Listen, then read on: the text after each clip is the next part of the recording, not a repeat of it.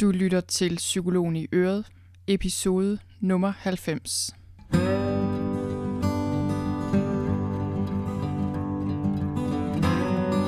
Velkommen til Psykologen i Øret.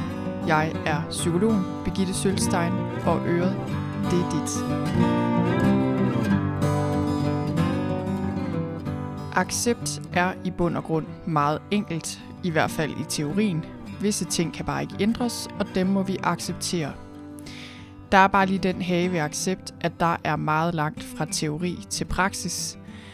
Og selvom det er ting, der er sket for længe siden, eller ting, du ved, du ikke kan stille noget op med, så kan det virke helt umuligt at acceptere dem. Og det kan måske også virke som en dårlig idé, fordi er det her med at acceptere noget ikke bare ligesom at kapitulere og give op, eller tillade noget, du ikke vil eller ikke kan leve med. I dag skal det handle om accept. Især skal det handle om kunsten at acceptere det uacceptable, altså de rigtig svære ting. Jeg vil give dig fire ting med på vejen. Fire ting, du skal vide. Fire refleksioner, du kan bruge i dit liv, når det kommer til det her med at acceptere det uacceptable.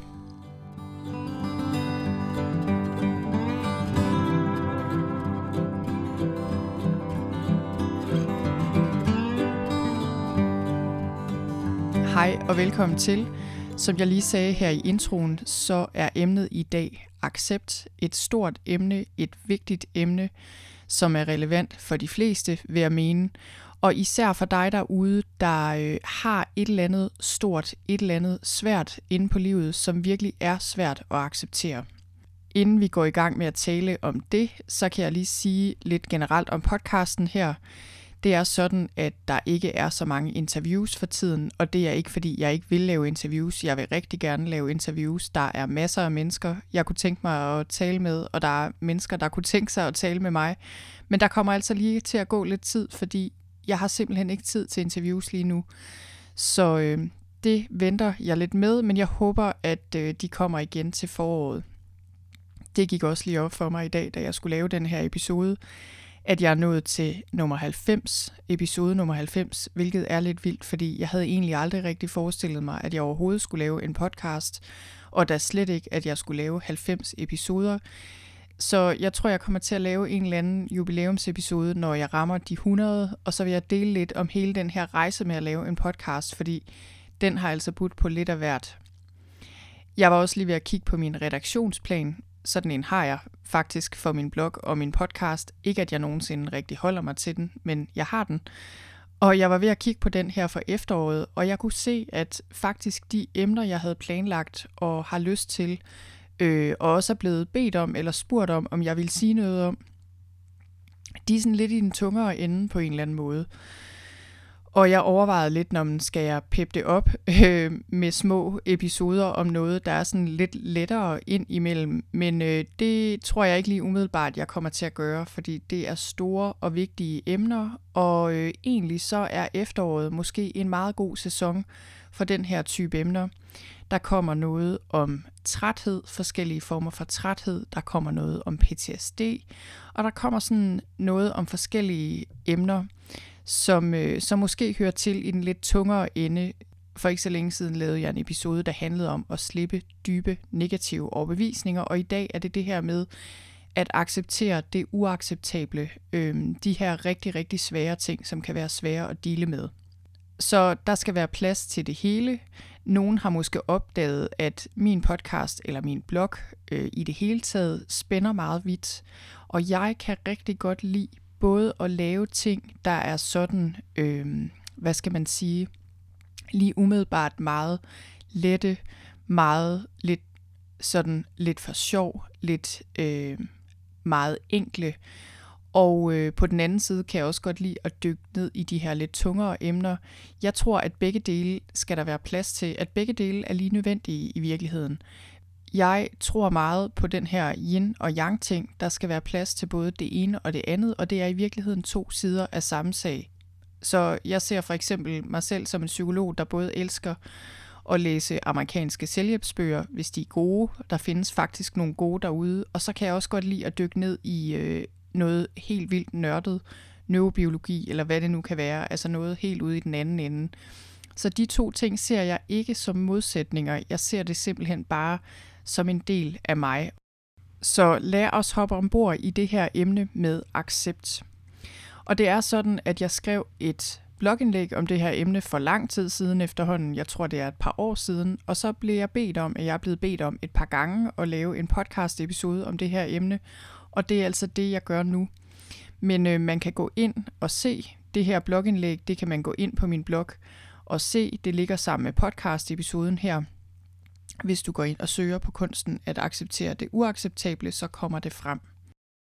Og det jeg vil gøre her, det er, at jeg vil sige lidt om accept generelt, og især så vil jeg sige lidt om det her med, hvorfor der kan være langt fra teori til praksis, når det gælder accept. Altså at et er, at vi ligesom tænker, at vi accepterer noget, eller beslutter os for at acceptere noget.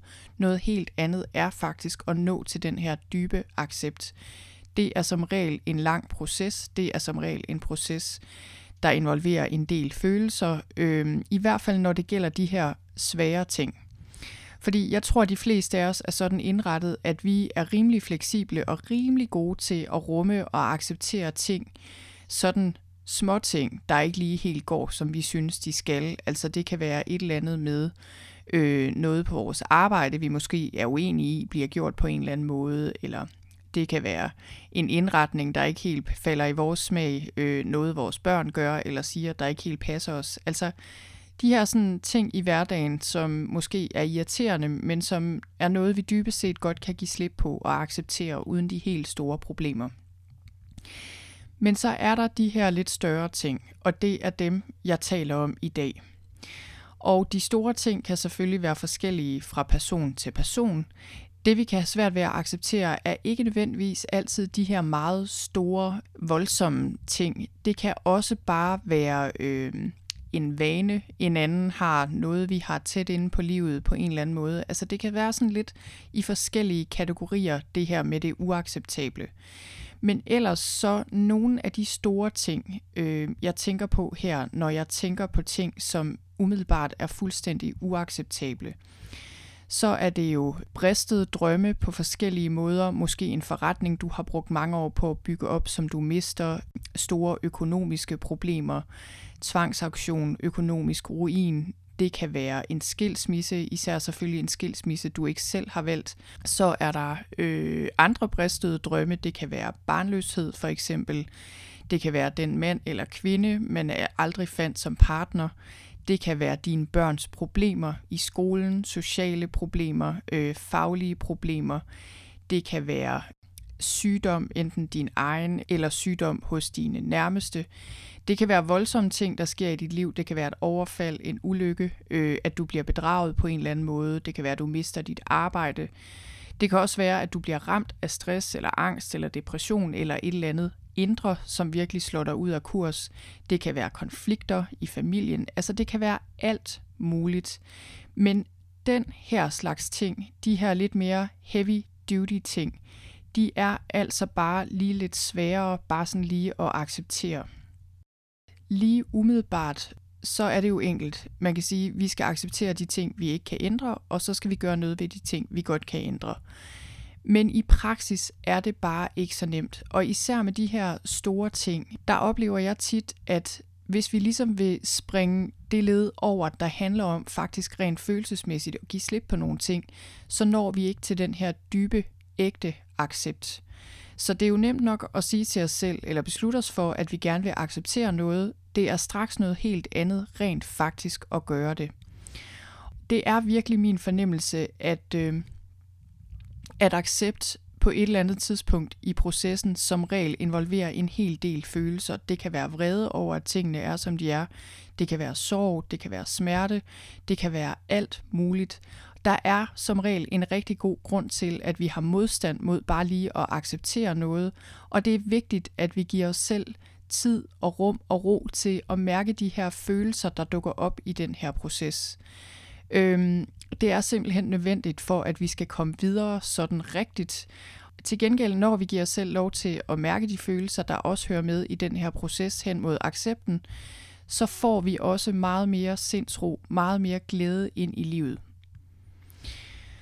Så øh, nu ved jeg selvfølgelig ikke med dig derude, der sidder og lytter med, men øh, jeg tror, at oprindeligt så havde jeg sådan en idé om, at det her med min personlige udvikling, og det her med for eksempel at lære at acceptere og dele med meget svære ting, det var sådan noget med, at jeg skulle tage på øh, selv, selvudviklingskursus, eller en eller anden retræte, eller hvad ved jeg, sidde på et eller andet bjerg og meditere i solnedgangen, og så ville jeg sådan udvikle mig på den her fantastiske måde, og det ville bare være altiders, og jeg ville komme hjem som et nyt og bedre menneske. Og det er ikke fordi, jeg ikke har oplevet øh, rigtig fantastiske ting på retræter, intet ondt ord om det, men jeg vil alligevel sige, at når alt kommer til alt, så er der, hvor jeg har taget meget store kvantespring i min egen udvikling, det, øh, det har ikke så meget med solnedgang og øh, retræter at gøre. Det har mere noget at gøre med de her redselsfulde, virkelig, virkelig svære ting, der er sket i mit liv. Og det kan du måske genkende til. Det er sjældent, vi forandrer os på et dybt plan, medmindre vi er tvunget til det desværre øh, kan man sige, det kunne være rigtig rart, hvis vi kunne tage nogle af de her kvantespring, uden at det skulle involvere så meget smerte og så meget modstand. Og det gør det også nogle gange, vil jeg nu sige. Øh, det er også min erfaring, at det kan det godt. Men en gang imellem, så, øh, så er det de her meget, meget svære ting, der ligesom tvinger os til at gøre noget anderledes. Så det jeg vil gøre nu, det er at gå videre til de her fire refleksioner, jeg gerne vil give dig med på vejen øh, der på forskellige måder kan hjælpe dig i den her proces med at acceptere noget, som er rigtig svært. Men inden jeg gør det, så kunne jeg godt tænke mig at sætte en streg under det her med, øh, hvad accept egentlig handler om. Fordi accept handler ikke om, at du kapitulerer og ligesom lægger dig fladt ned på ryggen og bare finder dig i hvad som helst. Det handler heller ikke om, at du synes, det er okay, det der er sket. Lad os sige, at nogen har gjort dig ondt, eller din nærmeste ondt. Øh, det handler heller ikke om, at du ikke sætter grænser eller ikke har behov. Altså accept har ikke noget at gøre med, at du tillader uacceptabel adfærd, eller ikke får sagt fra eller sagt til. Accept er en indre ting, hvor du tuner ind på virkeligheden, som den er, og det kommer jeg meget mere tilbage til lige om lidt. Men det er altså bare for at sige, øh, jeg tror, når mange af os har modstand mod det her med accept, så tror jeg, det er fordi, vi misforstår, hvad det egentlig handler om. En af de undersøgelser, som jeg har stødt på, som jeg synes øh, har været rigtig interessante, og som jeg tit tænker på, det er et studie, jeg så, der handlede om munke, som havde mediteret i mange, mange år, og som var meget stærke omkring det her med accept og compassion, altså medfølelse i forhold til andre mennesker, og self-compassion, medfølelse i forhold til dem selv. Og det, der var så interessant ved de her munke, øh, der havde den her dybe, dybe evne til accept og medfølelse, var, at de havde også enormt klare personlige grænser.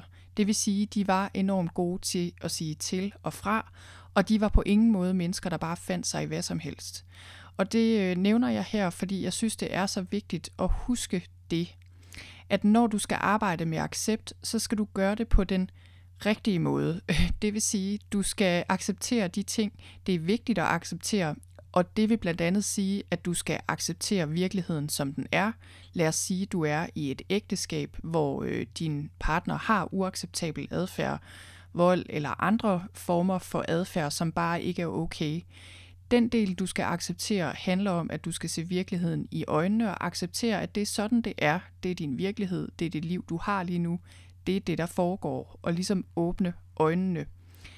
Det du ikke skal gøre, er at acceptere den her adfærd og ligesom kapitulere og sige, Nå, så er det nok bare sådan, mit liv er. Det kan jeg ikke gøre noget ved. Det er måske også, der er måske nogen, der har det værre, hvad ved jeg.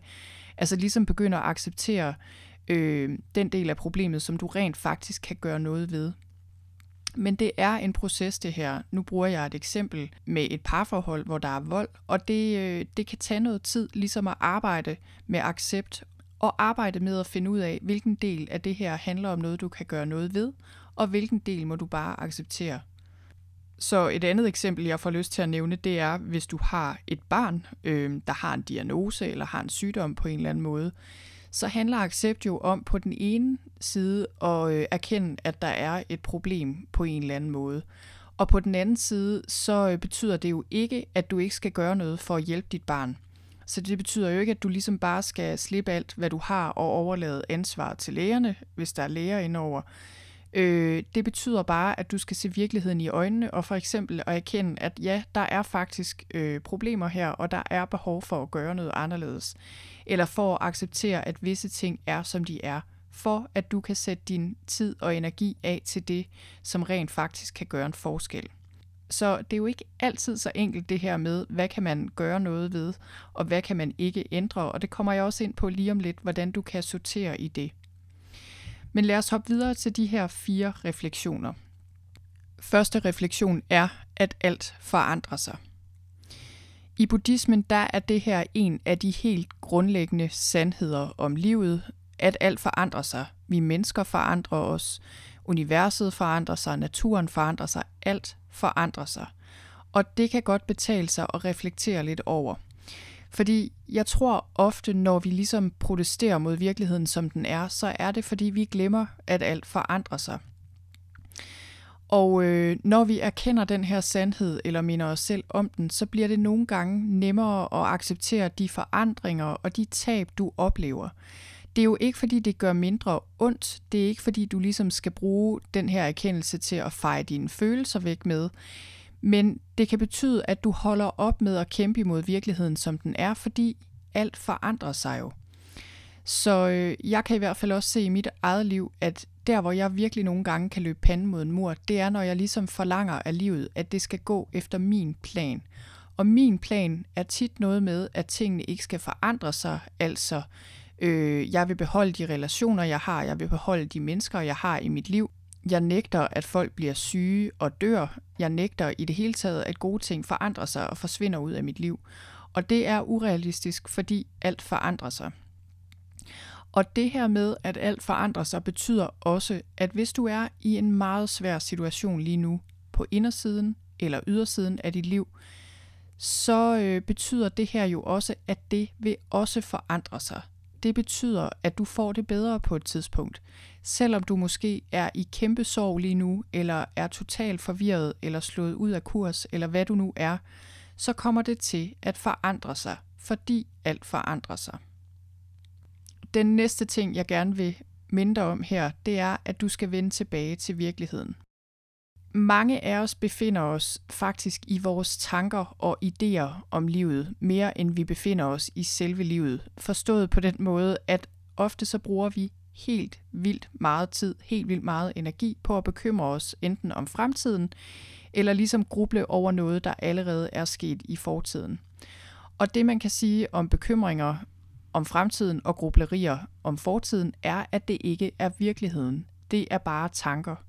Og det er jo ikke fordi, du kan holde op med at tænke. Det er naturligt, at du gør det. Du har en hjerne, du er udstyret med en hukommelse, du har evnen til at reflektere og tænke på fremtiden. Men det er bare stadig vigtigt, at der er en balance i tingene, så du ikke befinder dig mere i dit hoved, i tankerne, i dine bekymringer, end du gør i virkeligheden. Og det, der tit sker, når vi for alvor mister fodfæstet, øh, når vi dealer med noget meget svært, det er faktisk, at det ikke er selve tingen, der slår os ud af kurs, men det er vores bekymringer, der tager over og ligesom øh, gør, at vi går helt i panik eller bliver enormt håbløse. Så igen, det er ikke fordi ting ikke er svære nogle gange. For eksempel er det meget smertefuldt at miste nogen.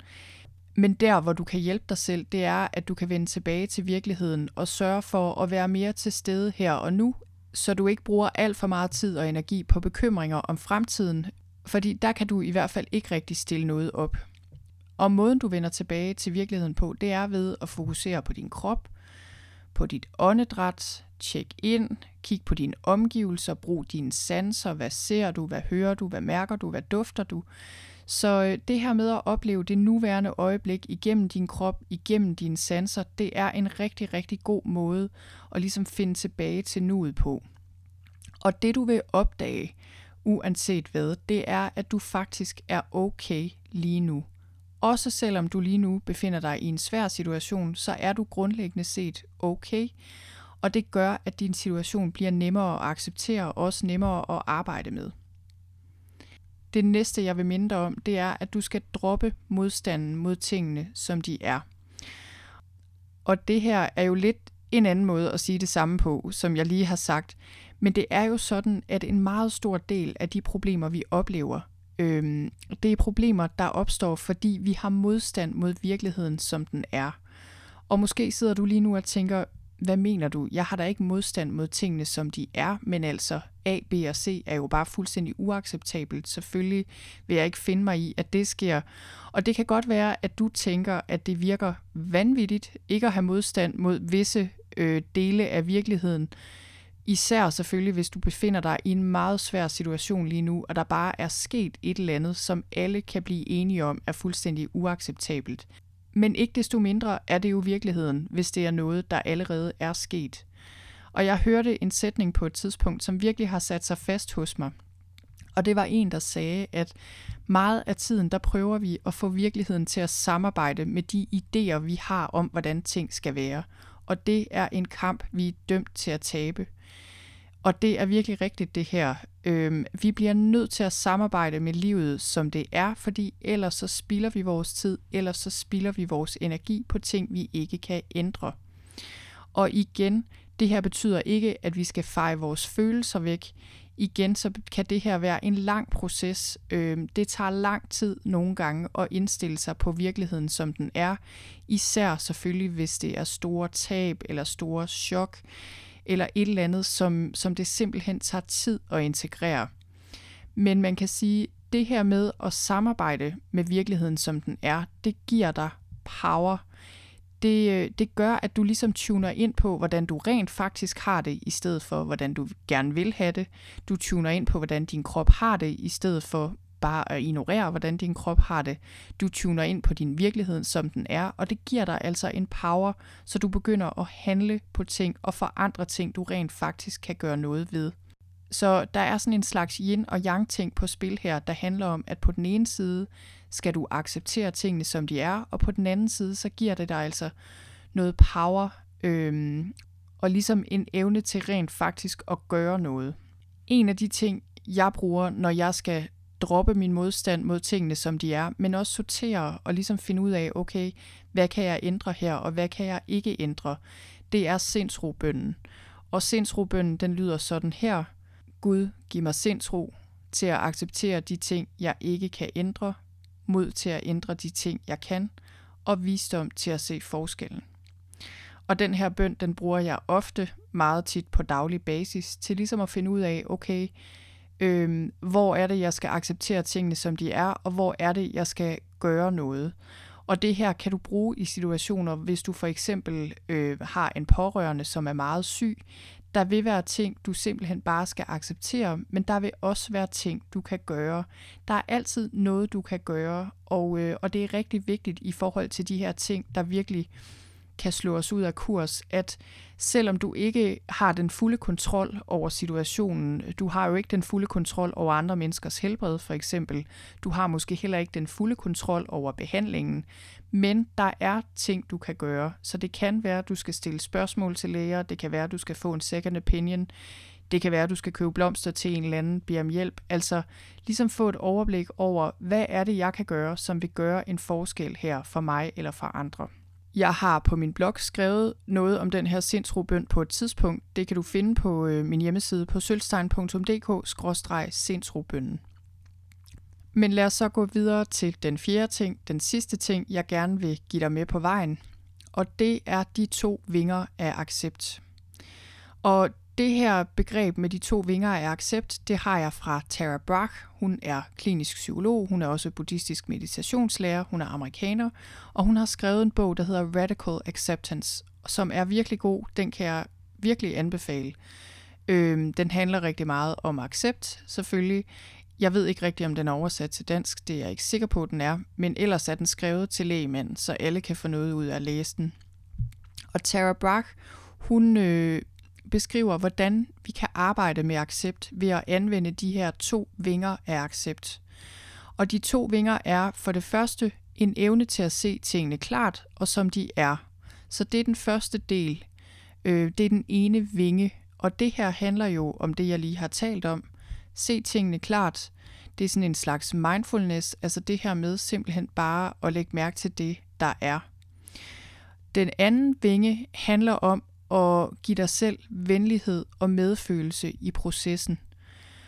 Og den her venlighed og medfølelse er virkelig øh, meget, meget vigtig, når det kommer til accept. Fordi hvis du fordømmer dig selv, eller hvis du fordømmer andre, og ligesom lukker ned rent følelsesmæssigt, så kommer du aldrig rigtig frem til ægte accept.